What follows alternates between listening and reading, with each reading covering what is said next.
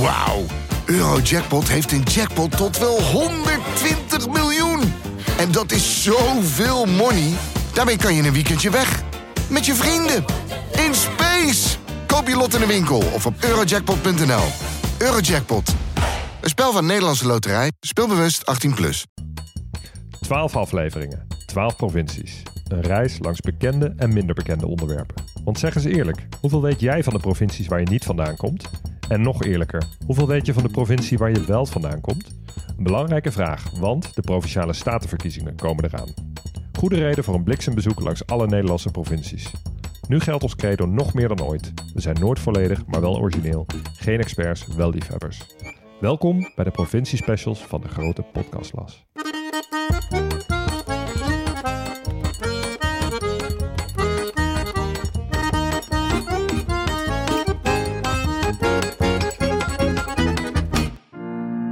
Jochie, wijfie, welkom in Utrecht. De provincie van het mooiste stadje van het land.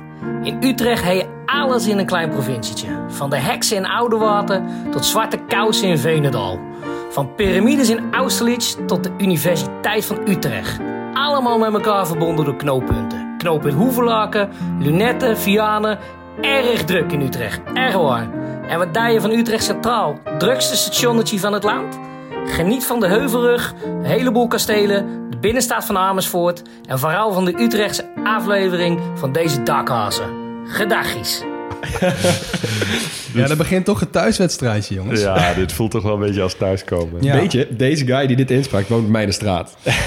Ja. Toch wel mooi dat wij er al, nou ja, zo lang wonen en nog niet in het bezit zijn van dit mooie onvervalste Utrechtse accent. Nou ja. ja, Klein beetje. Wij klein, klein beetje. Nee, Ja. die echt niet. Heel klein. Maar voor jou extra speciaal, Leon.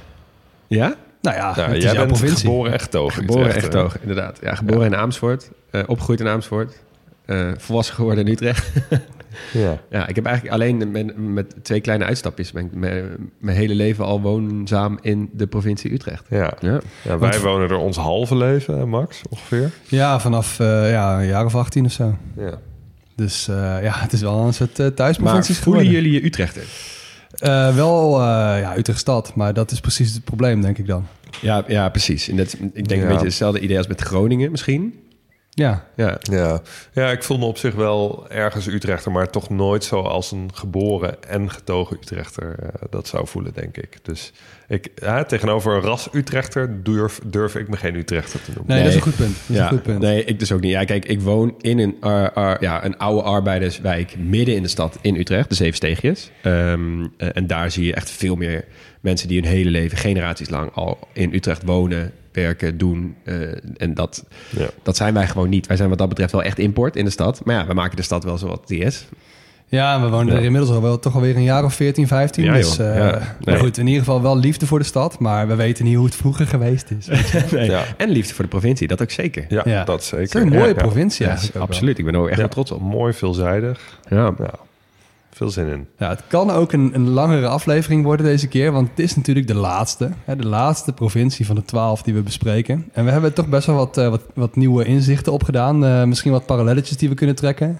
Überhaupt, wat hebben we ervan gevonden? Ja. Dus eh, als je helemaal aan het eind nog luistert, dan gaan we daar een klein beetje op terugblikken. Dus eh nou, schrik ook niet als deze aflevering wat langer duurt. En anders zet je maar gewoon uit. Ja? ja, precies. Oké.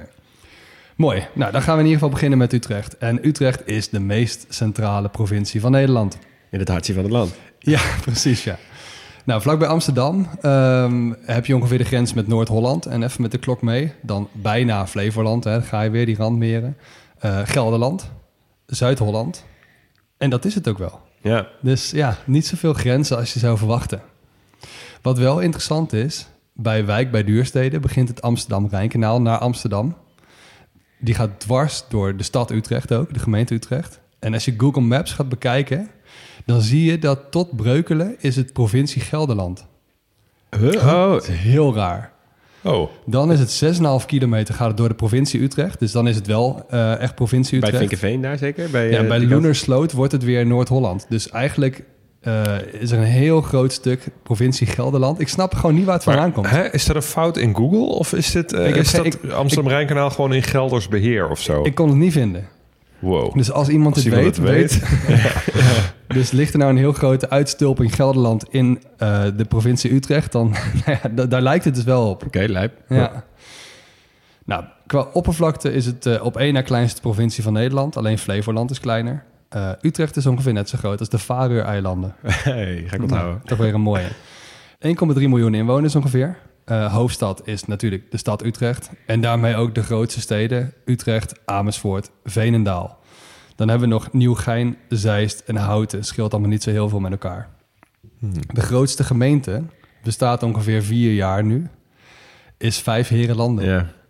En nou vraag ik jullie jongens. Noem eens even een, pla- een paar plaatsen in de gemeente Vianen, Vijf Herenlanden.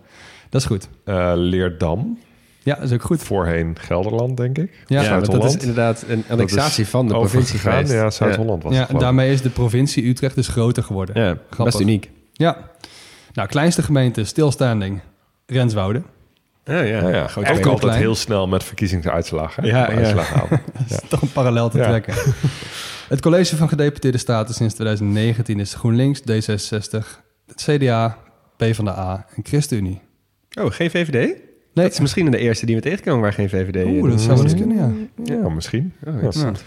Uit mijn hoofd durf ik niet te zeggen. Eh, de vlag trouwens is wel mooi, hè? Eh, de vlag van Polen met linksboven de vlag van Denemarken. Oké, goeie. Dus ik zal nog even uitleggen. Twee horizontale banen, wit en rood. Linksboven zie je een wit kruis in een rood vierkant. Ja.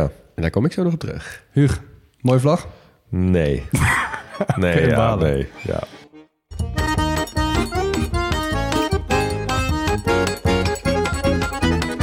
Nou jongens, ga er maar even goed voor zitten. Want het eh, geschiedenishoofdstukje is... ehm, ja, we gaan in flinke stappen. Maar hij is wel, hij is wel groot. Hij is ook verweven met, het, met een beetje demografie en een beetje politiek.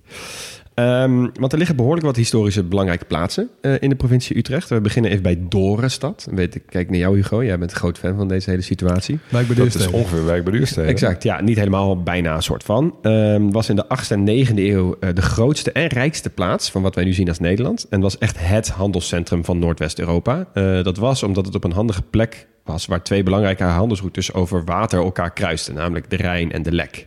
Dus eh, uit het noorden kwamen er Friezen en Vikingen die kant op, en uit het zuiden kwamen er vooral Franken. Eh, en die hebben die plek gewoon een beetje behandeld als een soort nou, plek waar ze in ieder geval konden ruilen en, eh, en handelen. Zonder dat er meteen elkaars eh, hersens ingeslagen werden. Maar ja, ehm, wie hielden zich niet al te lang aan die afspraak? De vikingen. Dus eh, die hebben op een gegeven moment net zo vaak die stad ge- gerooid en platgebrand... totdat er bijna niemand meer over was. Toen werd het in de loop van de jaren werd het klimaat in het noorden wat zachter. En toen zijn ze met z'n allen met de- letterlijk de noorderzon vertrokken... en lieten ze de stad achter voor wat het was. En dat, dat was zover de geschiedenis van Dorenstad. Kan me wel voorstellen dat mensen uit Wijk bij Duurstede trots zijn op hun stad. Ja, nou, er zijn dus nog, dus best wel veel dingen daar gevonden. Want ja, wat gebeurt er als er veel handen wordt gepleegd? Ja, dan, dan, dan belandt ook wel het een en ander op de bodem van de rivier of ergens anders. Dus elke keer als er weer Ja. iets van, eh, iets van eh, dingen, hoe heet dat? Iets van, eh, weg, iets van afgravingen, iets van wegwerkzaamheden wordt gedaan. Dan vind je weer een of andere helm of een of andere vikingschip of zo. dus goed. Ehm, maar goed, nadat Dorenstad een beetje in verval raakte, toen verschoof de macht naar een andere grote stad in de geschiedenis. En dat is natuurlijk Utrecht. En het wordt een heel religieus verhaal van het, ons aartsbisdom te Utrecht.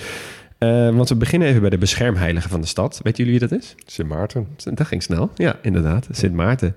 Sint Maarten was een Romeins militair. En eh, zoals het verhaal gaat, heeft hij ooit op een koude dag zijn rode soldatenmantel gegeven aan een arme, naakte bedelaar. En in een droom zag hij dan later dat die bedelaar Jezus voorstelde. En toen is hij meteen gestopt in het leger, liet hij zich dopen en is kluizenaar geworden. En werd hij natuurlijk vrij snel door, eh, door de kerk heilig verklaard. eh, omdat hij zo'n mooie daad had verricht. Nou, eh, de Frankische machthebbers vonden dat ook wel fantastisch. En die gingen op een gegeven moment de, de lage landen veroverden. Veroverden ook Utrecht. En zetten een kerkje neer in het Romeinse Castellum, wat er toen nog stond. En dat kerkje staat op het huidige Domplein. Dat is niet de Dom, maar dat was wel een kerkje wat daar stond.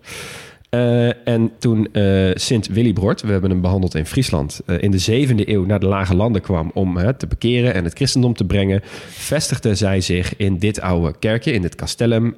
en dat was eigenlijk het begin van de Utrechtse kerk, dus het begin van het bisdom Utrecht. Ehm, ook Sint Bonifatius kwam buurten, ook bekend in de regionen. En zij verbinden Sint Maarten voorgoed met Utrecht. Zij waren fan van Sint Maarten en ze dachten, nou, dit is een mooie beschermheilige van de stad. Ehm, zijn rode mantel, die hij dus eh, afgaf aan eh, iemand anders, staat dus voor de helft van de vlag van Utrecht. Dus het wapen en de vlag van Utrecht is nog steeds half rood, half wit. Oh. En dat witte is het onderkleed van Sint Maarten. En het rode is de mantel die hij dus aan het afdoen is. Oké, oké. Ik Dat zie je dus- dus zelf doorwerken tot op de shirts van FC Utrecht. Ja, precies. Dus als je die shirts van FC Utrecht ziet, denk dan maar aan Sint Maarten. Ik begin de vlag alweer wat mooier te vinden. Ja. En dit is dus ook een van de redenen waarom in de stad Utrecht Sint Maarten zo ongelooflijk fanatiek wordt gevierd. Ja. Ja. Ehm, dan skippen we even door naar het jaar 1459. We zitten nu in een soort eeuw waar eh, we al wat meerdere geschiedenispersonen hebben besproken de afgelopen afleveringen. Eh, en ik wil met jullie praten over wat misschien wel, en eigenlijk wel zeker weten, de machtigste Nederlander aller tijden is geweest. Hebben jullie enig idee wie ik dan bedoel? Ja, misschien die ene paus? Absoluut. Adriaan Floriszoon Boeiens. Niet Boelens, Boeiens. Het is wel grappig, mijn vader heet dus Adrie Boelens. Dus deze guy heet Adrie Boeiens. nou, oké, grappig. Ehm, hij eh geboren in Utrecht, groeit op, mag studeren in Leuven... wat toen wel een beetje de katholieke eh, hoofdstad van de Lage Landen was. Stond een universiteit, staat er nog steeds. eh, en viel heel snel op door zijn stichtelijke en vrome levensstijl. Hij maakte heel snel naam daar in de kerkelijke en bij de belangrijke pieps. Eh, hij was zelfs zo eh, erkend dat eh, de Habsburgse keizer Maximiliaan I... die benoemde hem in 1507 als opvoeder en leermeester... van zijn toen zevenjarige kleinzoon en kroonprins van ongeveer half Europa. En heb ik het over? Karel de Vijfde. Karel de Vijfde. Ja. Dus de leermeester en opvoeder van Karel de Vijfde... was deze Adriaan Floriszoon Boeiens. Kijk. Een Utrechter. Nou, eh, Karel V werd groter en op een gegeven moment moest hij in Spanje ging, moest hij die kroon gaan overnemen. Toen stuurde die Maximiliaan I van het Habsburgse Rijk stuurde die eh, Adriaan naar Spanje eh, om hem daar helemaal klaar te maken. En ook in de meantime maakte hij hem ook nog even kardinaal. Dat is dus een hele hoge pief in het katholicisme. Eh, maar het was een vrij rumoerige tijd in Europa toen. Even een klein beetje uitzoomen voor hoe hoe de kerk er toen voor staat. We hebben het dus nu ongeveer over 1510, 1515. Ehm, eh, heel veel mensen keken met argusogen naar de kerk. Eh, heel veel kerkleiders waren corrupt. Ze waren eigenlijk in het Vaticaan alleen maar aan het feesten. Eh, er was heel veel geld binnen eh, de kerk verloren gegaan. Ze waren super eh, corrupt. Ze waren eigenlijk gewoon een soort bankroet. Eh, en dat was het moment dat er in Duitsland ook een filosoof opstond met het idee: joh, het moet veel soberder en veel netter en veel eerlijker. En dan heb ik het over Martin Luther. Maarten Luther. Eigenlijk de, de, ja, de, de, de godfather van het protestantisme. Ja. Eh, het ironische wil dat dus eh, deze Adriaan was dikke maten met Erasmus.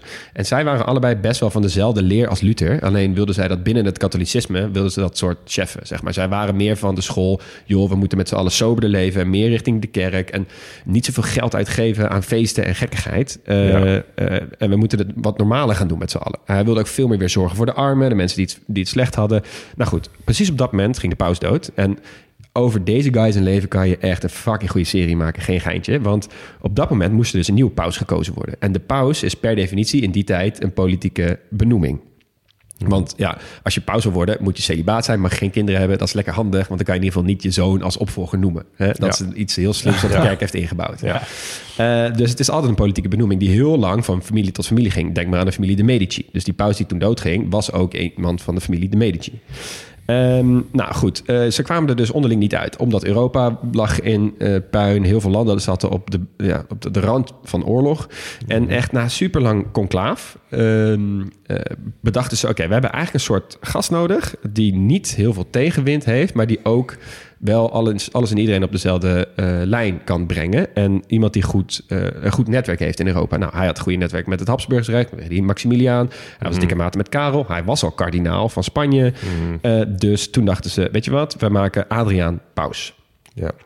Eigenlijk een soort consensus-paus. Wat heel oneerlijk was, want Adriaan heeft hier helemaal nooit voor gevraagd. In deze hele periode wilde hij eigenlijk niks liever dan lekker terug naar Utrecht. Daar gewoon het bisdom runnen. Eh, en hij, wilde helemaal, hij was ook in Spanje toen hij tot paus werd benoemd. Toen moest Ja. hij dus van Spanje naar Italië. Eh, toen kwam hij daar aan. Eigenlijk wilde niemand dat hij daar paus was, maar hij was daar toen toch. Eh, en hij is uiteindelijk maar anderhalf jaar paus geweest. Ehm, eh, en eh, het bleek dus uiteindelijk zelfs de laatste niet-Italiaanse paus... tot paus Johannes Paulus II in 1978. Oh, moet je nagaan, joh. Maar hij was dus wel een beetje neergezet om gewoon zo weinig mogelijk moeilijkheden te veroorzaken. Nou, meer ook van omdat iedereen wist, oké, we, we zijn echt op het randje. Want er was een heel groot schisma op die tijd. Namelijk het protestantisme kreeg in zijn leven heel snel. Ja. Want dat was in dezelfde periode dat de boekdrukkunst was uitgevonden. Nou, stel je Ja. voor dat het een beetje hetzelfde idee is als de internet uitgevonden werd. Dus in één keer kon iedereen die geboden lezen van Maarten Luther... en dacht, ja, wacht eens even, dit is niet hoe de kerk zou moeten werken. Iedereen moet geld betalen en zij zijn aan het feesten. Ja. Ja. En eigenlijk vond dus die Adriaan hetzelfde. Ja. Ja. Maar hij heeft het uiteindelijk niet echt waar kunnen maken. Nee, precies. Nee. Ehm, in Utrecht staat overigens nog Paushuizen. Eh dat is voor hem ooit gebouwd. Heel mooi eh, plekje op Pausdam. Eh, maar hij is dus uiteindelijk nooit meer geweest. Dus Zo. mocht je in Utrecht zijn, kan je daar nog even langs gaan. Enige Nederlandse paus ooit, hè? Dat Ja, is ja. toch wel iets om trots op te zijn. ja, ja, ja, is het? Ja, ik denk het wel. Ik vind, hoe meer ik Ja. over hem lees, hoe leuker ik hem vond. Maar ja, het is zeker niet de kwaadste paus die er is geweest. Nee. nee, Ja. nee, misschien is het inderdaad ook goed om even te noemen... dat zijn, zijn pausnaam was dus Paus Adrianus eh, de zesde. Ja, ik precies, bedacht me dat ik die helemaal niet genoemd had. Nee, ja, Nou. logisch op zich. Ja, ja. Ja. Dan gaan we even een paar honderd jaar naar de toekomst. Zeg ongeveer, nou, een beetje halverwege de 19e eeuw. Eh, en dan heb ik het over de nieuwe Hollandse waterlinie. Hebben jullie Ja. enig idee waar ik het dan over heb? Jawel. Ja, zeker. Je ziet het zeg maar overal in Utrecht en Amsterdam. Als je om je heen kijkt, je gaat een stukje fietsen, je gaat een stukje de stad uit, dan zie je overal ineens bunkers, kazematten, gekke, eh, gekke dijkjes midden in het landschap. Ja, Ja. fortjes overal. Fortjes, ja. Nou goed, de Nieuwe Hollandse Waterlinie is eigenlijk de stelling van Amsterdam... plus de Hollandse waterlinies. Dat is 200 kilometer aan verschillende linies... met allerlei forten, vestigingen, zelfs kastelen. Eh, en het is onderdeel van het UNESCO Werelderfgoed. eh, eh, en is dus ook een hele bekende toeristische trekpleister. Ehm, nou, waarvoor zijn ze ooit bedoeld? Ze zijn ooit gebouwd om ons in oorlogstijd te beschermen van een eh, buitenlandse macht die ons land binnen zou vallen. En het idee is dan, oh ja, je kan met sluizen en dammen kan je het hele gebied onder water zetten. En dan heb je een aantal meters, soms zelfs nou, tientallen, honderden meters wat je onder water kan zetten, zodat die troepen van de tegenstander niet over het water naar jouw land kunnen komen. En zo konden wij onze grote steden verdedigen. Ja, dus dit Ja. was ongeveer het meest oostelijke gedeelte van het land dat onder het zeeniveau lag. Dus dat je redelijk makkelijk eh, dus echt kon laten overstromen. Hè, dat kan Ja. natuurlijk niet op de Veluwe. Nee. Ehm, Ja. Maar ook oostelijk genoeg om inderdaad het zwaartepunt van Nederland, hè, dus in het westen. eh, Ja, dus Utrecht en Amsterdam, Rotterdam, eh, Den Utrecht Haag, ook. Utrecht Ja, is inderdaad ook. Ja, Om dat te kunnen beschermen. Exact, ja. Ja, inderdaad, precies wat je zegt, dat. En dan had je dus tussenin op de verschillende plekken, op hele strategische plekken, had je forten. En die forten die konden dan heel makkelijk eh, bemand worden door Nederlandse legers, zodat ze ook nog eens konden aanvallen op de tegenstander die aan het, aan het, aan het binnenvallen was. Ja. Nou goed, de waterlinie is drie keer in stelling gebracht. De eerste keer tijdens de Frans-Duitse oorlog. Maar in stelling is dus, oké, we gaan zijn, we zijn er klaar. Maar er gebeurt niet zoveel. De tweede keer was tijdens de Eerste Wereldoorlog. En ik las dat een Duits spionagerapport uit die tijd aangaf... dat de waterlinie toen heeft voorkomen dat Duitsland ons heeft aangevallen. Oh ja. Oh joh. Dus ik weet niet in hoeverre dit ook echt waar is. Dus het heeft wel gewerkt het heeft- in die zin als afschrikmiddel. Exact, exact Ja. dat. Oh, daar ben ik wel blij om dat te horen. Want ik dacht altijd van ja, hij lag er altijd maar en, en nooit gebruikt. En op een gegeven moment hadden ze vliegtuigen en Ja, zo. precies. Dat is dus de derde Ja. keer inderdaad dat die in stelling werd gebracht. Nou, tijdens 1939 en 1940. Maar ja, binnen twee dagen stonden die Duitsers natuurlijk aan de poort in Amsterdam en Rotterdam. Dus die hele waterlinie heeft natuurlijk nooit gewerkt. Maar goed, ehm, die verdedigingswerken zijn wel heel interessant. Want ze liggen deels verborgen en deels open in het landschap. En eh, het zijn ongeveer duizend militaire en waterbouwkundige objecten. Dus allerlei sluizen en dijken en zo en kazematten. En je kunt nergens ter wereld zo'n erfgoed eh, of landschap vinden wat, wat hierop lijkt. En het is dus ook het grootste rijksmonument van Nederland. Ja, moet je nagaan hoe ingenieus dit allemaal is, joh. Ja, Ik Ja. vraag me dan wel echt af of ze dan gewoon één zo'n red button hadden, weet je wel. Waar ze dan op konden drukken. exit. Van, van nu zetten we alles open. Ja, Ja. ja. Maar het is wel mooi, want het is ook, hè, omdat het niet, het is niet één fort en er is dus eigenlijk ook nooit om gevochten, want dat was uiteindelijk nooit, eh, nooit nodig. Dus het is ook allemaal super goed bewaard gebleven. Ja, Het exact. heeft op heel veel plekken een andere functie gekregen. Je zit vlak buiten de stad Amsterdam en Utrecht, kan je er gewoon heen fietsen. Ja, ja. Ja, nou goed. Tijdens de Eerste Wereldoorlog, toen Nederland neutraal was, kwamen, zoals we al hoorden in Limburg, heel veel Belgische vluchtelingen naar Nederland. Ergens hadden die een plek nodig om te blijven. Maar omdat Nederland neutraal wilde blijven, moest Nederland de soldaten die kwamen interneren. Die moesten een eigen plek hebben, zodat ze niet terug zouden vluchten naar België om daar te vechten. Dus moest Nederland kampen maken voor deze Belgen. En die kampen die waren niet bueno. Eh, uiteindelijk hebben ze echt super slecht eten. Eh, Er zijn zelfs verhalen van Belgische soldaten die ratten moesten eten in de tijd dat ze in Nederland zaten. Dus die Belgen kwamen op een gegeven moment in opstand omdat ze dachten, ja luister, zo zijn wij niet eh, getrouwd. Eh, en toen in die opstand die heeft eh, de eh, Nederlandse, ja, die kampenwaarders hebben die hardhandig neergeslagen. Waarbij acht Belgen zijn overleden uiteindelijk. Eh, en dat, daar schrok de hele Nederlandse bevolking zo van... dat ze uiteindelijk alles hebben verbeterd... en die Belgen uiteindelijk een veel betere plek hebben gekregen... die Belgische soldaten. Maar toch, nog steeds staat het grootste monument van Nederland in Amersfoort... om zeg maar, de Belgen vluchtelingen en deze internering te herdenken. Nou, Hug, jij hebt het in Zuid-Holland uitgebreid gehad over waarom de waterschappen bestaan. Een hele duidelijke uitleg. Bedankt daarvoor. Uh, maar ik wil het dus inderdaad even hebben over hun politieke invulling. Want los Ja. van dat ze bestaan en dat ze dingen te maken hebben met water, hebben, is er ook iets te kiezen tussen de verschillende partijen die hierover gaan. Ik weet ook nog niet zo goed wat. eh, Nee, nee. Eh, en daarvoor heb ik dus even iemand gevraagd. En we hebben wel even weer een externe spreker. Eh, dat is namelijk de dijkgraaf van het Hoogheemraadschap, de Stichtse Rijnlanden. Oh, dus de afgelopen eh, afleveringen hebben we zowel de titel Dijkgraaf als Hoogheemraadschap toch best wel wat veer in, de, in het achterste gestoken. We krijgen nu een mooie combinatie van die twee termen. Zeker. Ik laat jullie horen Jeroen Haan. Bij de komende verkiezingen is er echt wat te kiezen. Het gaat over keuzes in de ruimte. Waar kunnen we nog gaan wonen? Hoe moeten we dat dan realiseren? Is er nog ruimte voor natuur en landbouw? En hoeveel water hebben zij dan nodig in tijden van droogte? Wie gaat er voor?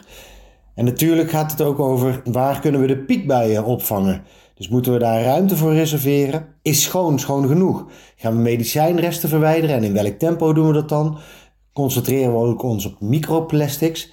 En halen we grondstoffen en energie terug uit onze waterzuiveringen? En natuurlijk bij dijkversterkingen niet alleen kijken naar de waterveiligheid, maar kunnen we daar ook innovatief, duurzaam en biodivers opereren. Zo, ik heb me eigenlijk nooit zo heel erg gerealiseerd dat het zo'n politieke kwestie was. Ja, Ik dacht dat het gewoon zo'n technocratische iets was... waarin Ja. je aan een paar knopjes voor wat puntjes Ja. en komma's kon draaien. dat was het natuurlijk altijd ook. Ja, toen ze al die mensen aanwezen. Maar nu wordt het dus steeds politieker. Ja, ja, en er valt dus inderdaad ook echt iets te kiezen. Dus inderdaad, in hoeverre ga je dingen filteren? Nou, straks bij steeds meer droogtes, hè, zoals, eh, zoals de dijkgraaf zegt.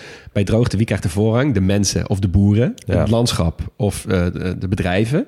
Ja, eh, daar staan allemaal standpunten op op de verschillende pagina's. Dus jij Ja. kan kiezen waar jij op gaat stemmen 15 maart. Ja, het is eigenlijk onbegrijpelijk dat de waterschapsverkiezingen zo'n ondergestoken... Ondergeschoven kindje zijn. Ja, zo'n ondergeschoven kindje zijn. En terwijl het, er is in het, het is zo belangrijk. Het gaat ons allemaal aan. Het kost ons ook allemaal veel geld, want we betalen echt veel waterschapsbelasting. Dus Ja. het is, het is eh, volkomen logisch dat je daar iets van wil vinden.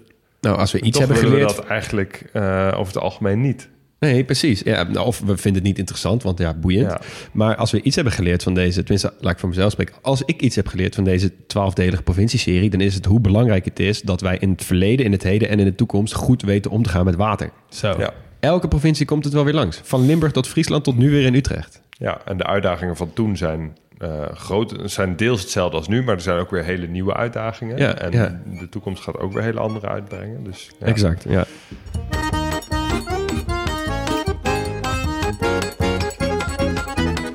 Ik begin dit fysische hoofdstukje eventjes met het mooiste stuk van de provincie Utrecht. Vooral het stuk dat boven de zeespiegel ligt. En dan hebben we het natuurlijk over de Utrechtse heuvelrug. Ja, Echt een mooie combinatie van heuvels plus bos. ja. Na, na de Veluwe is dit het grootste bosgebied van Nederland. En het loopt ook van de randmeren, hè, dus het IJmeer en het Gooimeer en zo... tot aan de Grebbeberg bij Renen. Ja je kan het heel goed zien bij de satellietfoto's van Nederland. Kan je heel goed de Veluwe en de Ja. Heuvelrug van elkaar onderscheiden. Ja, dus het is ook wel een goede term inderdaad, heuvelrug. Het is echt een, nou ja, een, een rug, dus een Ja, streep groene door het rug, landschap. ja. Ja. Ja. Hoogste punt, De. Amerongse berg. Jazeker, ja. Eh, populair om op te fietsen, Zeker. natuurlijk. Eh, pittig klimmetje. Ja, je kan hem ook Everesten. Leg uit. Nou, onze, onze grote vriend Wout Jacobs, die eh, is ooit zo gek geweest om daar, eh, ehm, ja, ik geloof zelfs 10.000 hoogtemeters te fietsen door een paar honderd keer die berg op en af te fietsen op een dag. Ja, Ja, zeker. fantastisch. Een paar honderd keer, ja. Ja, voor het goede doel. Mooie meditatieve eh, activiteit, ja. En ik ga jullie even meenemen naar, het on- naar de ontstaansgeschiedenis van die heuvelrug. Dus eerst even wat definities. Allereerst het schaalniveau. Ik pak meteen ook even twee termen mee uit Gelderland. Dus de Gelderse Vallei en de Veluwe. Die passen mooi in dit hele verhaal. Dus je hebt van west naar oost eerst even de Utrechtse Heuvelrug, dan de Gelderse Vallei, dan de Veluwe. Ja. Die kennen allemaal een soort van dezelfde ge- ontstaansgeschiedenis. Dan even de, tijds, de tijdsperiode. Eh, we gaan weer eens terug naar de ijstijd. Eh, de voorlaatste in dit geval. Het Saliën. Dat is wel ook de laatste waarin een landijs uit Scandinavië op Nederland lag. Dus dan weet je dat ook weer. Oké. Ja. Eh, en dit gebied was ongeveer de grens daarvan. Loopt ook weer bij Amersfoort, toch? Tenminste, daar, ik weet, uit Amersfoort heb Ja. je altijd eh, de keitrekkers en de kei van Amersfoort. Ja. die loopt ligt eigenlijk een beetje van, van Haarlem naar Nijmegen, zeg maar. Die dat is een beetje Ja. de grens van het, eh, van het landijs. Ja, en we gaan zo ook echt even zien hoe je die parallel dus ook ruimtelijk kunt trekken. Dus om te begrijpen waarom er die, die drie gebieden dus zijn, eh, maken we meteen even een uitstapje naar twee rivieren. De Maas en de Rijn. Nou, die liepen van zuid naar noord. Hè, dus niet zo ver westelijk afgebogen als nu, maar die liepen dus echt in een rechte streep ongeveer door wat we nu zijn gaan noemen de Gelderse Vallei. Oké. Die zetten natuurlijk, zoals rivieren dat doen, veel zand en grind af. Eh, en in tegengestelde richting kwam dat ijs vanuit het noorden naar het zuiden en drukte dus die afzettingen voor zich uit. Nou, die gingen plooien en dus ook stuwwallen vormen. Aan de oostkant dus de Veluwe, Ja. aan de westkant de Utrechtse Heuvelrug. Oké. Dus de Veluwe die is ontstaan in zuidoostelijke richting en de Utrechtse Heuvelrug in zuidwestelijke richting. En de Gelderse Vallei die raakte dus helemaal bedekt met ijs. En dat zorgde er dus ook voor dat die rivieren vanaf toen moesten afbuigen. En dus ook naar het westen zijn gaan stromen. Ja, ja. Ah. Dus daarom gaan ze nu ook richting de Noordzee. ja. En dat Ah. verklaart ook waarom er een piepklein gaatje zit tussen de Grebbeberg, hè, dus de oostkant van de Heuvelrug, en de Wageningse berg, de westkant van de Veluwse stuwwal. ja, daar bij de In dat- Blauwe Kamer. Ja, dus Ja. In, dat, in dat kleine gaatje, daar lag dus de Maas vroeger. Oh, nee. Ja. Ja, aan de zuidkant, daar liepen dus die rivieren, hè, aan de zuidkant van dit alles. En daar erodeerde die stuwwal dus ook veel sterker. En daarom vind je daar dus nu ook van de, de meest steile, eh, steile hellingen buiten Limburg. Ja. De Grebbeberg bij Renen is ook zo'n plek. eh, als eerste door een provincie, in dit geval Utrecht, aangewezen als aardkundig monument. Door wat we nu hebben besproken. Oké, vet. Ja.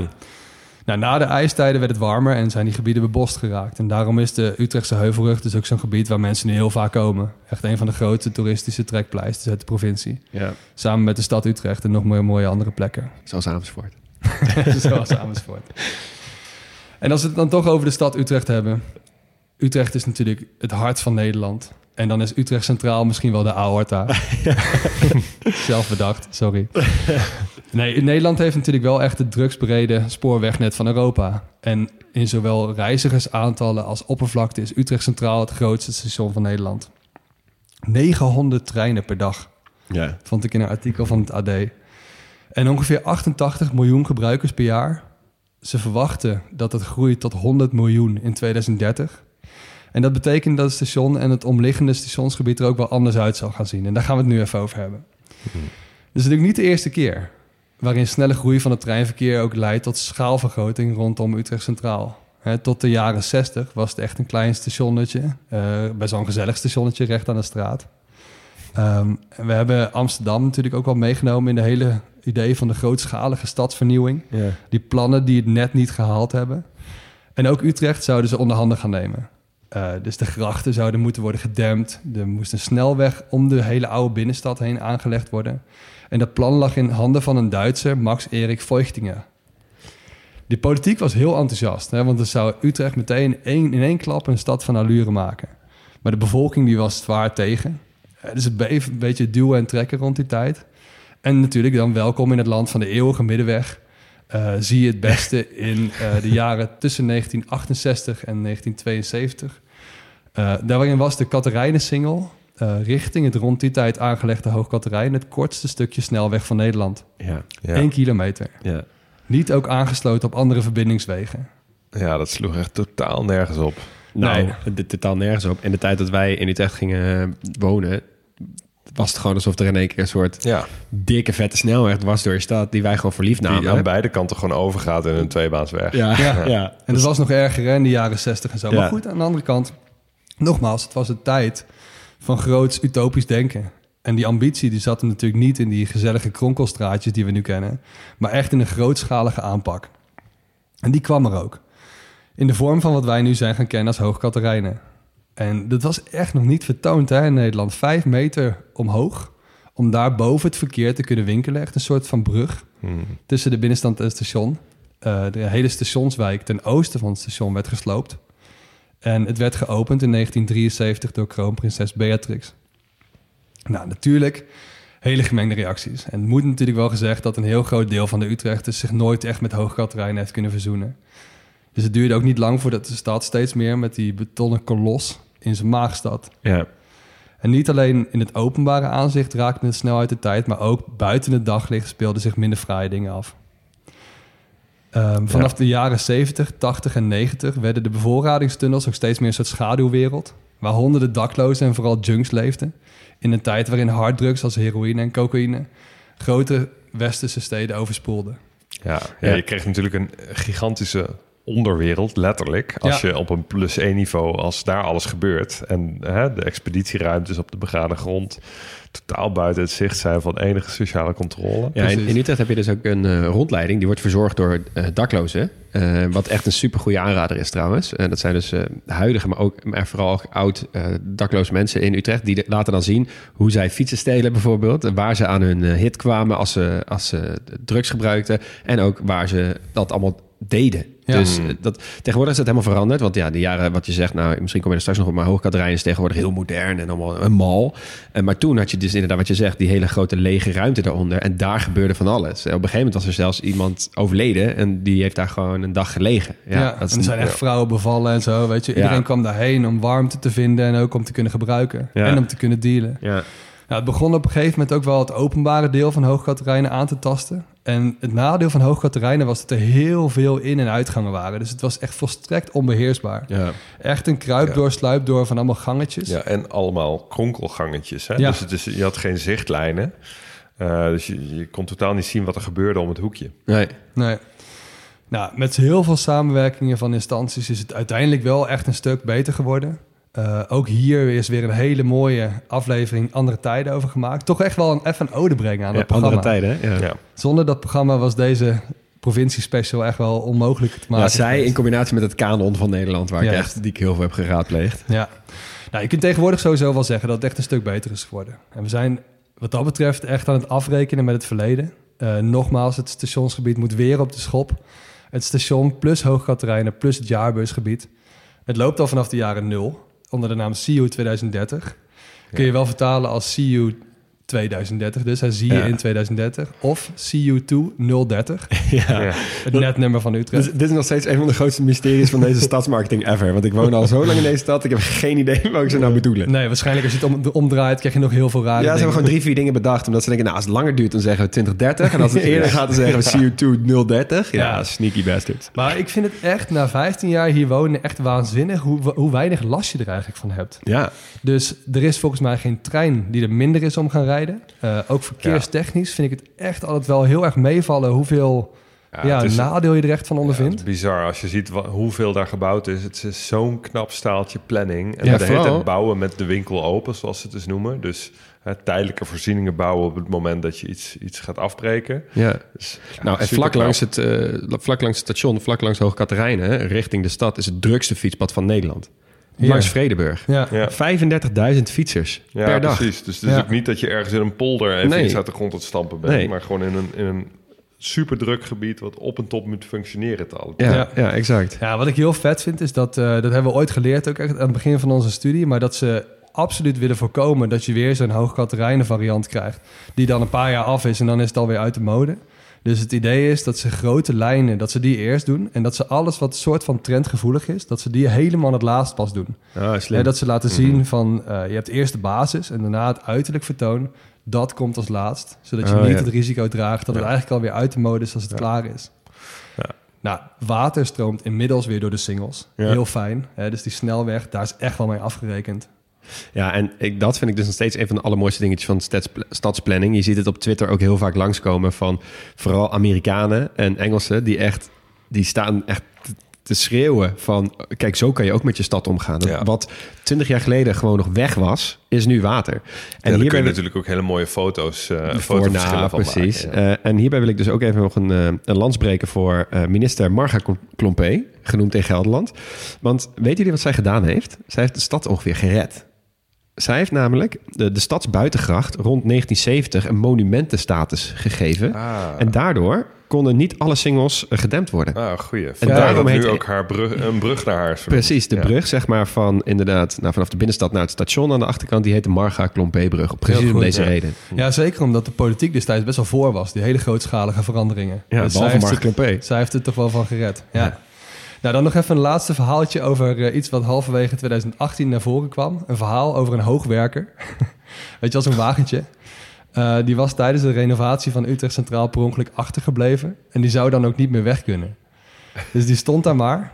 En intussen bleek dat hij wel gewoon weg kon door een paar glasplaten weg te halen. Maar ze zijn in die tijd steeds meer van hem gaan houden. Want hij was ook best wel handig voor als je een keer wat hoogs moet doen. en wat ze toen hebben gedaan, eh, de NS heeft hem geadopteerd.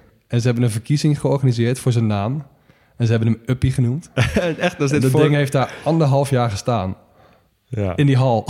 ja fantastisch. Ja. Ja. ik ken hem nog wel. Ja. Hoge- maar hij is nu dus toch weggehaald. Ja, hij is nu weg. Hij Ja, staat jammer. nu waarschijnlijk in een of andere loods van de NS. Heet hij niet hoogwerker, maar ook hoogwerkerfeest. Dat nee, maar een dat, soort, dat soort eh, namen zijn wel ingestuurd. Ja, jammer. Nou, en mocht je je afvragen waar het hele iconische blauwe bord gebleven is... dat hangt nu in het Spoorwegmuseum. Ah, ja.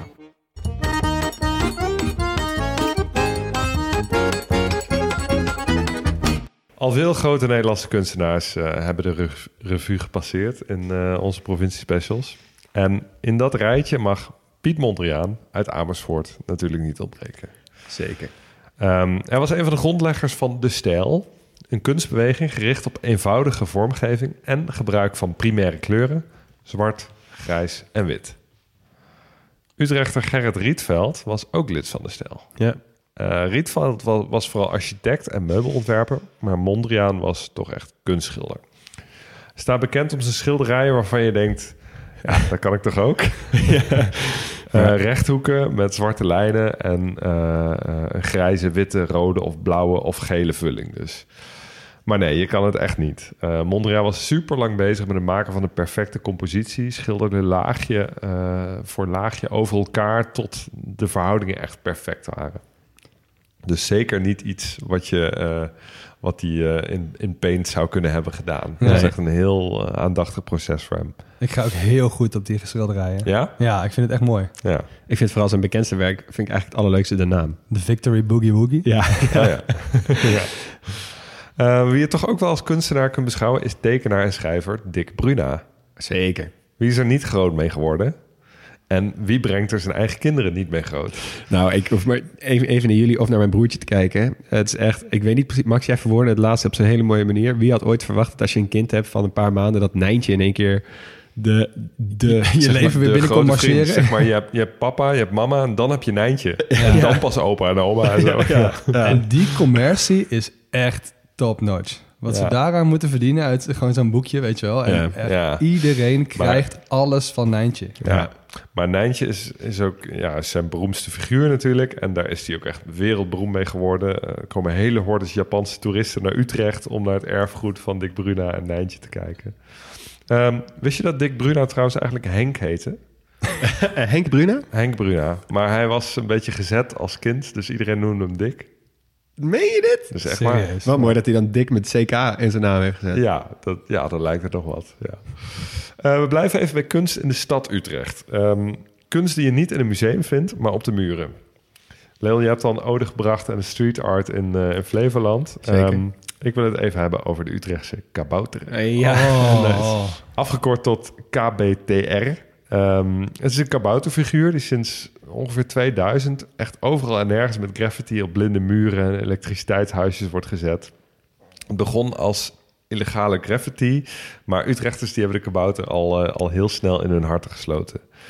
Ehm, de tekeningen werden ook steeds mooier, steeds uitgebreider. En eh, Kabouter werd ook steeds meer een merk met een eigen Instagram-pagina nu en een website. En de maker van, eh, van deze graffiti-tekeningen... die werd via die wegen ook steeds vaker gevraagd... voor het maken van officiële kunstwerken...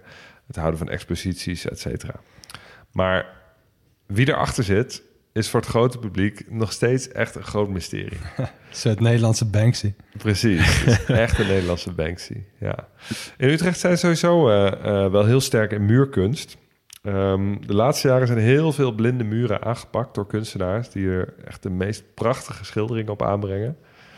Het is echt ongelooflijk hoe sterk een straathoek daarvan kan opknappen. Ja. Ja. Ik ben zo fan van die dingen. Ja, ik heb een van, de, een van de leukste, vind ik, op de Amsterdamse straatweg. Dan hebben ze gewoon een aantal lui in de omgeving gevraagd die daar wonen. Van, joh, wat is je lievelingsboek? En dan hebben ze gewoon op een gigantische muur aan de zijkant... Hebben ze gewoon al die, heeft hij de kaften van al die boeken Ja. als een soort supergrote boekenkast gemaakt. Zo van, oké, nou, dit is dus de tijdsgeest van wat iedereen's lievelingsboek op dit moment is. Ja, is heel vet. Heel veel. Er zijn ook speciale rondwandelingen door Utrecht die, eh, waar, eh, ja, die langs die muurschilderingen voeren. Er zijn boeken over uitgelegd. Dus echt, echt tof. Ja. In België zijn ze trouwens ook behoorlijk goed in eh, blinde muren eh, bes- beschilderen. Ehm, want ja, die heb je er ook behoorlijk veel. Ehm, dus dus ja, ook als je, als je dat leuk vindt, kan je dat ook goed in België doen. Ehm, over België gesproken.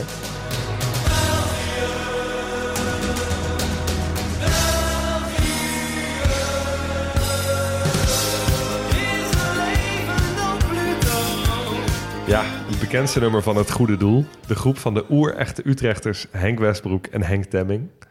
Super geografisch lied ook. ja. En eh terecht conclusie, ik zou ook naar België gaan. Zijn jullie fan? Ja, dit nummer doet het altijd goed in de kroeg natuurlijk. Ja. ja lekker meezingen natuurlijk. Ja, heerlijk toch? Eh, we blijven in Belgische sferen met het volgende nummertje. Van de Belgische zangeres Eva de Rovere. Samen met Dickie Dex uit Leusden. Oh, vertrekken. Stuurde op weg naar huis nog een berichtje. Slaap lekker. Slaap lekker ding, want jij is lastig. Nog meer jij is fantastisch toch. Hey, is wat ik zei tegen haar. Ja, wel fijn. Ja, fijn hè? Ik vind die Vlaamse zang wel lekkerder dan de Nederlandse hip-hop. Ja. Ja, dit heeft bij mij wel een ander soort snaar, moet ik eerlijk zeggen. Ga ik, eh, heel klein, mag ik als ik even mag inbreken? Ja, ja. Dex is namelijk onderdeel van de Amersfoortse coöperatie geweest. En er was een Amersfoortse hiphopband die actief was toen ik en mijn vrienden opgroeiden eh, in Amersfoort. En wij hebben die formatie, ik denk wel 20 keer, 30 keer, 40 keer live gezien. Tot zoverre dat wij eh, de raps van grootmeester Jan, Jan altijd herhaalden op alles en iedereen wat mogelijk was eh, tijdens onze middels- middelbare schoolperiode. Ja. Dus ook Jiggy J, die daar ook deel van uitmaakt, die heeft tegenwoordig het label Noah's Ark. Eh, die komt ook uit Amersfoort. En die hebben dus echt voor ons, onze jeugd, echt gevormd. Groot, belangrijk en invloedrijk collectief ook voor de Nederlandse Absoluut. wereld. Ja, ja. Nou, en tot slot Hermanus Jantinus van Veen.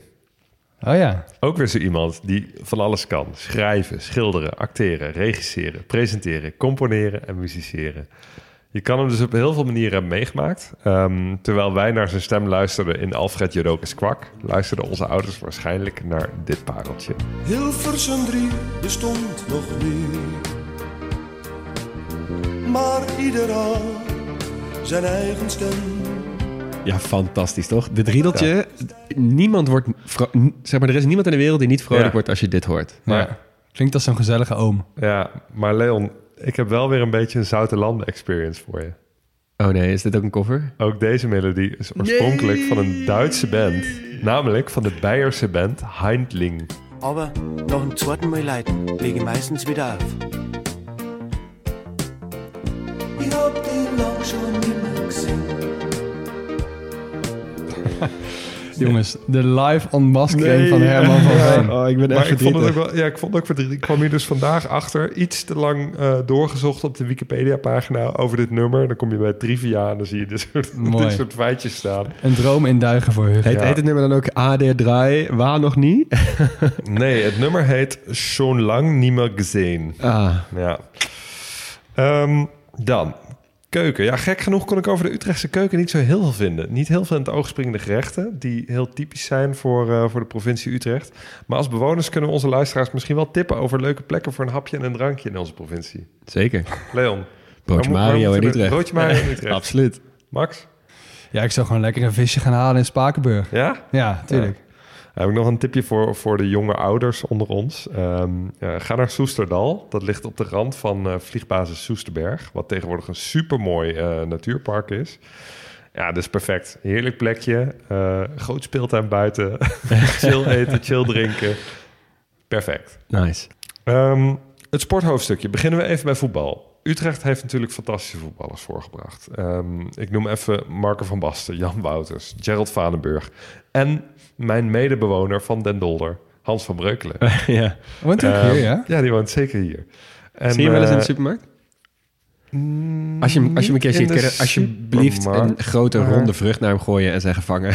en alsjeblieft laten weten wat het resultaat Ja, ik was. kom wel regelmatig tegen op straat. ja.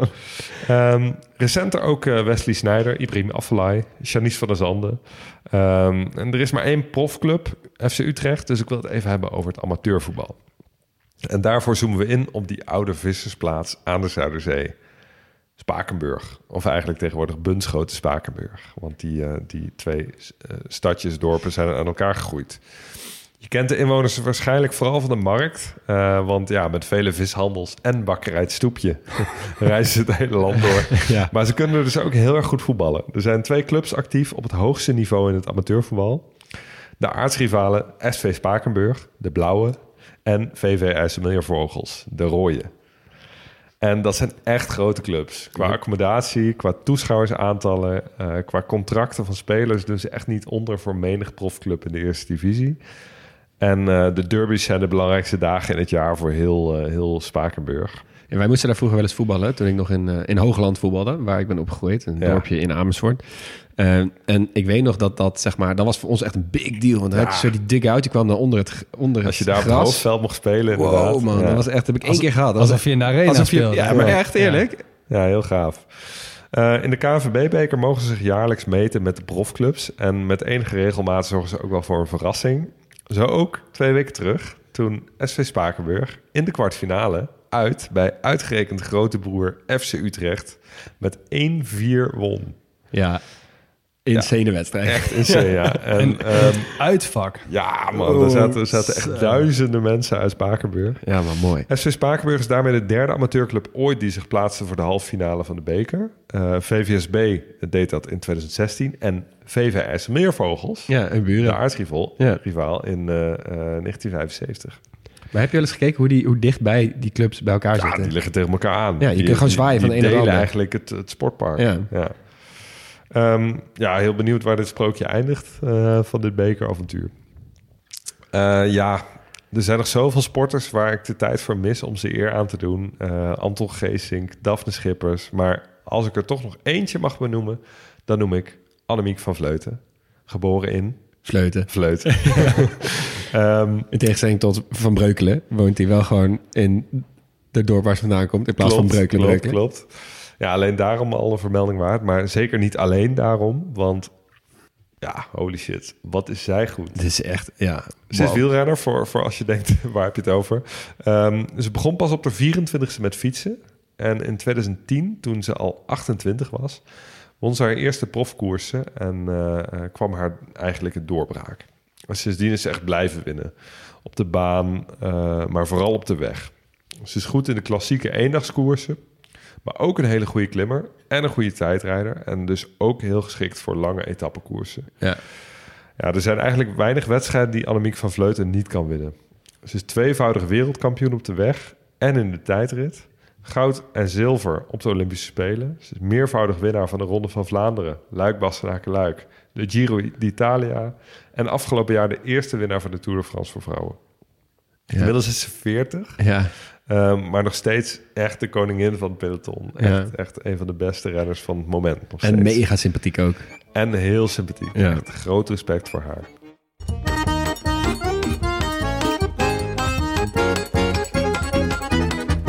Nou boys, ehm, misschien wel de moeilijkste vraag omdat het zo makkelijk is. Wat gaan jullie, eh, wat gaan jullie doen als je één dag in Utrecht bent? Ja, als ik ga wielrennen, dan kom ik best wel vaak langs eh Paleis Soesdijk. En ik ben er nooit naar binnen geweest. Ik weet ook niet of het kan. Maar je gaat het wel proberen. Ze zullen er misschien wel rondleidingen hebben. Nee, ja, eh, het lijkt me wel interessant eigenlijk. Ja, het is veel interessanter dan, dan ja, wat ik tot nu toe gezien heb ervan. Ja. Laat me En jij- komen. ja. En jij, Huug? Eh, ik ga ook eh, een fietstochtje maken. Maar ik ga de Eem affietsen. Goeie. Ehm, dus een beetje van, vanaf de, de, de Gelderse Vallei tot aan eh, de randmeren. Ja. Dat is ook een, ook een stukje land wat ik helemaal niet zo goed ken. Nee. En wel mooi, volgens mij. Ja, laat maar weten als je er bent geweest. en jij? Ehm, even bij je ouders op bezoek. ik wilde dat serieus zeggen. Ik ga eerst naar mijn ouders op bezoek en daarna ga ik een grote open rondleiding organiseren voor alle luisteraars van deze podcast door het prachtige Amersfoort. In mijn, in mijn ogen nog steeds een van de meest ondergewaardeerde binnensteden van Nederland. Want eh, eerlijk, jullie zijn allebei een voorbeeld daarvan. Maar heel veel van mijn vrienden ehm, die voor het eerst in Amersfoort komen... die kijken om zich heen, die komen terug en die zeggen... Wow, Amersfoort is eigenlijk best mooi. Ik dacht altijd Ja. dat het een soort van huismerk Utrecht was. ja, Maar ik was er pas even een dagje en ook die, die, ja, die grote bruggen en die poorten aan de noordkant van de stad. Nou, het is prachtig daar. ik vond het serieus echt mooi. Hele Ja. mooie stad. Ja, nou, jullie zijn dus allemaal welkom. Eh, verzamelen aanstaande zaterdag om 1 uur s middags bij de Koppelpoort. Oké. Eén iemand is er niet en dat is Leo vast. Maar goed, eh, jongens, het is ook de laatste provincie die we hebben besproken. Ja, we hebben Ja. een epiloogje beloofd, hè? Ja, misschien goed om even een klein beetje terug te blikken van wat vonden we hier nou van? ja. Ja. Ja, wat super fantastisch om te doen. Ja, Toch? Eh, Echt heel iets anders natuurlijk dan de landen die we normaal doen. Ook een iets andere manier van voorbereiden. Eh, ook wel moeilijker misschien. Want ehm, eh, we hebben ons voorgenomen om... Nou, we hebben, dit, we hebben kleine podcastlas afleveringen van gemaakt. Kleinere afleveringen dan bij de, bij de meeste landen. Maar ja, er is natuurlijk superveel te vinden over Nederlandse provincies. Dus het kost geen enkele moeite om er nou, drie kwartier over vol te praten. Nee. Nou, dat is een beetje het probleem. Kijk, er is zoveel. Dus eh, als je het gaat hebben over een provincie... je kan het CBS induiken. Die fout heb ik in het begin nog wel eens gemaakt... bij de eerste provincies onderzoeken. En voor je het weet zit je dan tabellen met elkaar te vergelijken. En denk je, wat ben je nou aan het doen, man? Ik had heb het pas met Urk. Ik dacht over, zou- zouden zij dan de meest ja, autochtone bevolking hebben van Nederland? En ik was zo blij dat het ook gewoon zo was. ja. Want anders is het net plek drie, denk je van ja, shit, die 10 minuten had ik ook wel beter kunnen Ja, besteden. maar alles wat er geschreven is, wat interessant is... over de provincie die je onderzoekt... is in je eigen taal geschreven. Of in ieder Ja. geval 99 procent. Ja, precies. En dat maakt het lastig, want Ja. er is zoveel. En kijk, het is normaal gesproken al lastig omdat je doet onderzoek naar een land. En je moet er eerst meer over weten, wil je het kunnen samenvatten. Dat is een beetje een gekke paradox. Maar in Nederland is dat misschien nog wel erger. Want om de geschiedenis goed te vertellen, er zijn allemaal mensen die luisteren met. Eh, met argusoren, om het zo te noemen. Eh, En die denken, elke misstap die jij benoemt... en ik zeg, ja, ja, verzoek tot rectificatie aan je broek. Ja, klopt. Ja. we hebben inderdaad... eh, Ons publiek heeft zich van zijn kritischste kant laten zien. Ja. Maar echt heel leuk, al die reacties. maar Echt, ook van zijn lovendste kant. Ook ja. van zijn lovenste kant. Dus dat was echt heel leuk om te merken. Maar ik heb ook wel een aantal keer gedacht van... Eh, eigenlijk jammer dat we dit... eh, eh, dat we hier geen langere afleveringen van hebben gemaakt. Maar ja, dat kan ook eigenlijk niet. We wilden Nee. dit nu voor de Provinciale Statenverkiezingen doen. En ehm, eh, we willen er ook geen drie maanden mee bezig zijn. Dus twee kortere afleveringen per week. Ja. Dus ja, dat moest even. Ja, en we hebben natuurlijk gezegd hè, van ehm, we willen provincies duiden. Hè, dus van eh, wat is je gevoel bij bepaalde provincies en dat dan ook een beetje gaan toetsen. Niet alleen omdat je ook op zoek bent naar de verhalen achter de provincies, maar ook om te kijken hoe goed ken je die provincies nou precies en, Ja. en kunnen we daar iets meer over vertellen. Nou hebben we natuurlijk elkaar gevraagd aan het begin van wat, wat was je gevoel bij elke provincie? Hebben jullie een provincie waarbij je denkt van daar is mijn gevoel vanaf het begin eh, anders geworden dan het gevoel dat je eraan overhield toen het klaar was? Eh, ja, dat is een hele goede vraag. Ik had van tevoren hele hoge eh, verwachtingen van, eh, van vooral Noord-Brabant en Limburg. Omdat voor mijn gevoel zit daar toch de meeste historie van Nederland. Ehm, maar misschien ook deels omdat ik dan de geschiedenishoofdstukjes heb gedaan. Maar Gelderland heeft mij echt verbaasd over hoe zij eigenlijk, als de geschiedenis net iets anders was gelopen, waren zij het, het originele Nederland, tussen aanhalingstekens. Ja, Ja, ja. Ja ik had bij Drenthe... eh, Drenthe heeft voor mij echt heel veel luikjes open gedaan. Dat vond ik altijd een tamelijk anonieme provincie. Ehm, maar daar heb ik wel heel veel, eh, heel veel ja, meer nieuwsgierigheid naar gekregen. ja. En jij dan? ja, ik was heel blij dat jij eh, carnaval zo goed hebt uitgelegd bij Limburg.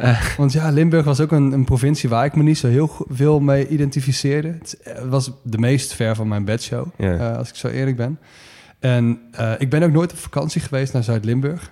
Maar ik heb er wel zin van gekregen. Ja. Dus ik ga dat Ja. eh, binnenkort wel een keer doen. Ja, en dat was Ja. eigenlijk, ik vond het ook echt tamelijk makkelijk, ik weet niet hoe het bij jullie zat, om ehm, enthousiast te zijn over de provincies en Ja. over wat er uitkwam. Ik, ik Ja. betrapte mezelf elke keer bij elk onderzoek weer, net zoals bij altijd bij alle landen eigenlijk zeggen. Misschien zijn wij gewoon wel te enthousiast voor dit hele voor dit format, maar bij elke provincie dacht ik weer, oh, dit is eigenlijk best vet. Zoals oh, wow. Mark Rutte zou zeggen, wat hebben we toch een ongelooflijk gaaf land. Dat je dit nog zou zeggen in mijn podcast. Hugo. ja, en, en nog even terugkomend op die rectificaties, want dat is natuurlijk super grappig. Maar er zijn natuurlijk, kijk, het voordeel als, als je een land van ver weg behandelt, kleine kans dat meer dan 10, 15, 20 procent van je luisteraars er is geweest. Maar in je Ja. eigen provincie is dat anders. Ja. Hey, en ehm, wat, wat hebben jullie nou opgestoken? Wat, eh, als je één ding moet noemen, eh, wat nemen jullie mee van deze provincies? Ik denk als ik uitzoom, Ehm, we hebben natuurlijk gekeken naar de provinciale trotsen. Trots. En eh, er zijn uitzonderingen natuurlijk, maar ik, ik, ik, ik dacht toch wel een bepaalde parallel te zien. Dat de status quo van Nederland qua economie, qua politiek, wat dan ook, ligt een beetje in het westen, hè, in de Hollanden. Ja. Ehm, alles wat daar omheen ligt, dus hoe verder je daar vandaan kwam, hoe trotser de provincie. Ja, ja. En Ja. natuurlijk uitzonderingen Gelderland en Overijssel en zo. Maar de noordelijke provincies zijn super trots. De zuidelijke ook. Ehm, dus misschien toch wel een beetje vechten als underdog tegen de gevestigde orde. Ja, leuk. dat durf ik toch wel te dromen. Ja, ik, ga, ik gooi hem over een andere boeg. Want ehm, ja, ik heb het ik, ik- tussen de afleveringen door met jullie al wel eens over gehad. Maar ik weet niet of het nou komt omdat ik geloot heb over de geschiedenishoofdstukjes Friesland, Gelderland, Limburg. eh, en nu Utrecht. Of omdat het natuurlijk allemaal met elkaar verbonden is, omdat het allemaal bij elkaar ligt. Maar mijn interesse in de Nederlandse geschiedenis is echt ongelooflijk hard gewekt. Ik Ja. ben nu ook van allerlei boeken aan het lezen. Van Bart van Loo over Bourgondiërs, onder andere over het ontstaan van de lage landen en zo. En die, mijn vriendin die kan niet meer uitstaan hoe vaak ik begin over hoe alles met elkaar verbonden is uit de geschiedenis en zo. Ja, Ja. ineens zie je overal standbeelden van mensen die je herkent en jaartallen die hiervoor Ja. soort ja, En rare dat is ook wel waren. leuk dat we, dat we natuurlijk die twaalf puzzelstukjes gelegd hebben. Ja, maar dat Ja. was het echt inderdaad. Volgende week eh, aflevering Nederland. Ja, Zo, ja. Ik deel dat heel erg, Leon, wat je zegt. Eh, ken je dat gevoel dat je iemand, iemands naam vergeten bent, maar intussen eh, eh, die persoon al zo vaak ziet en zo vaak tegenkomt iedere dag dat je niet meer durft vragen hoe die heet? Ja, zeker. Dat het steeds gênanter wordt. Ja. Dat had ik een beetje met de Nederlandse geschiedenis. Ik wist er eigenlijk vrij weinig van, maar ik vond het eigenlijk tamelijk beschamend. Dus ga je er maar helemaal niks meer over lezen. Ga je het maar compleet negeren. Ja. En hoe het nou allemaal zat met, eh, met, de Republiek en, en, en Karels en zo. Dat had ik totaal uitgezet. En ehm, eh, dat is nu weer een beetje aangezet. En ik voel me iets, verrijkt in mijn kennis daarover. Dus Ja, dat dus ik- voelt wel goed. Ik denk dat als we jou, denk ik, twee weken geleden hadden gevraagd... van maak een biografie uit je hoofd over Genghis Khan en over Willem van Oranje... dan had ik je wel kunnen vertellen over wie je dat beter had kunnen doen. Ja, dat denk ik ook. Ja, precies. Maar inmiddels zijn we allemaal een stuk wijzer. Ja, ja nou, was superleuk om te doen in ieder geval. Ehm, En in ieder, hopelijk- geval, in ieder geval één ding. We gaan bij de gemeenteraadsverkiezingen niet alle gemeentes doen. Eh, nee, inderdaad. Er moeten nog heel veel eh, gemeentes eh, fuseren, willen we dat kunnen doen. Hopelijk vonden jullie het ook, eh, ook een leuke reis met ons door Nederland. Ehm, en eh, hebben jullie ook weer veel zin om door te gaan naar eh, de landen die we, die we gaan, weer gaan behandelen vanaf volgende week. Heel erg bedankt dat je erbij was. Heel erg bedankt voor het luisteren naar dit hoofdstuk van de Kleine Podcastlas. Je hoorde vanuit Utrecht Leon Boelens, Max Gerritsen en Hugo Noordman. En Jonas van Impen die doet de eindmontage.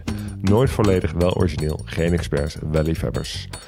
Als we iets verkeerd gezegd hebben of iets cruciaals zijn vergeten, laat het dan dus vooral even weten. Via Twitter of Instagram op @grotepodcastlas, via info@grotepodcastlas.nl of via de website grotepodcastlas.nl. Kijk daar vooral even. En volgende week reizen we naar Turkije. Later, Jochie.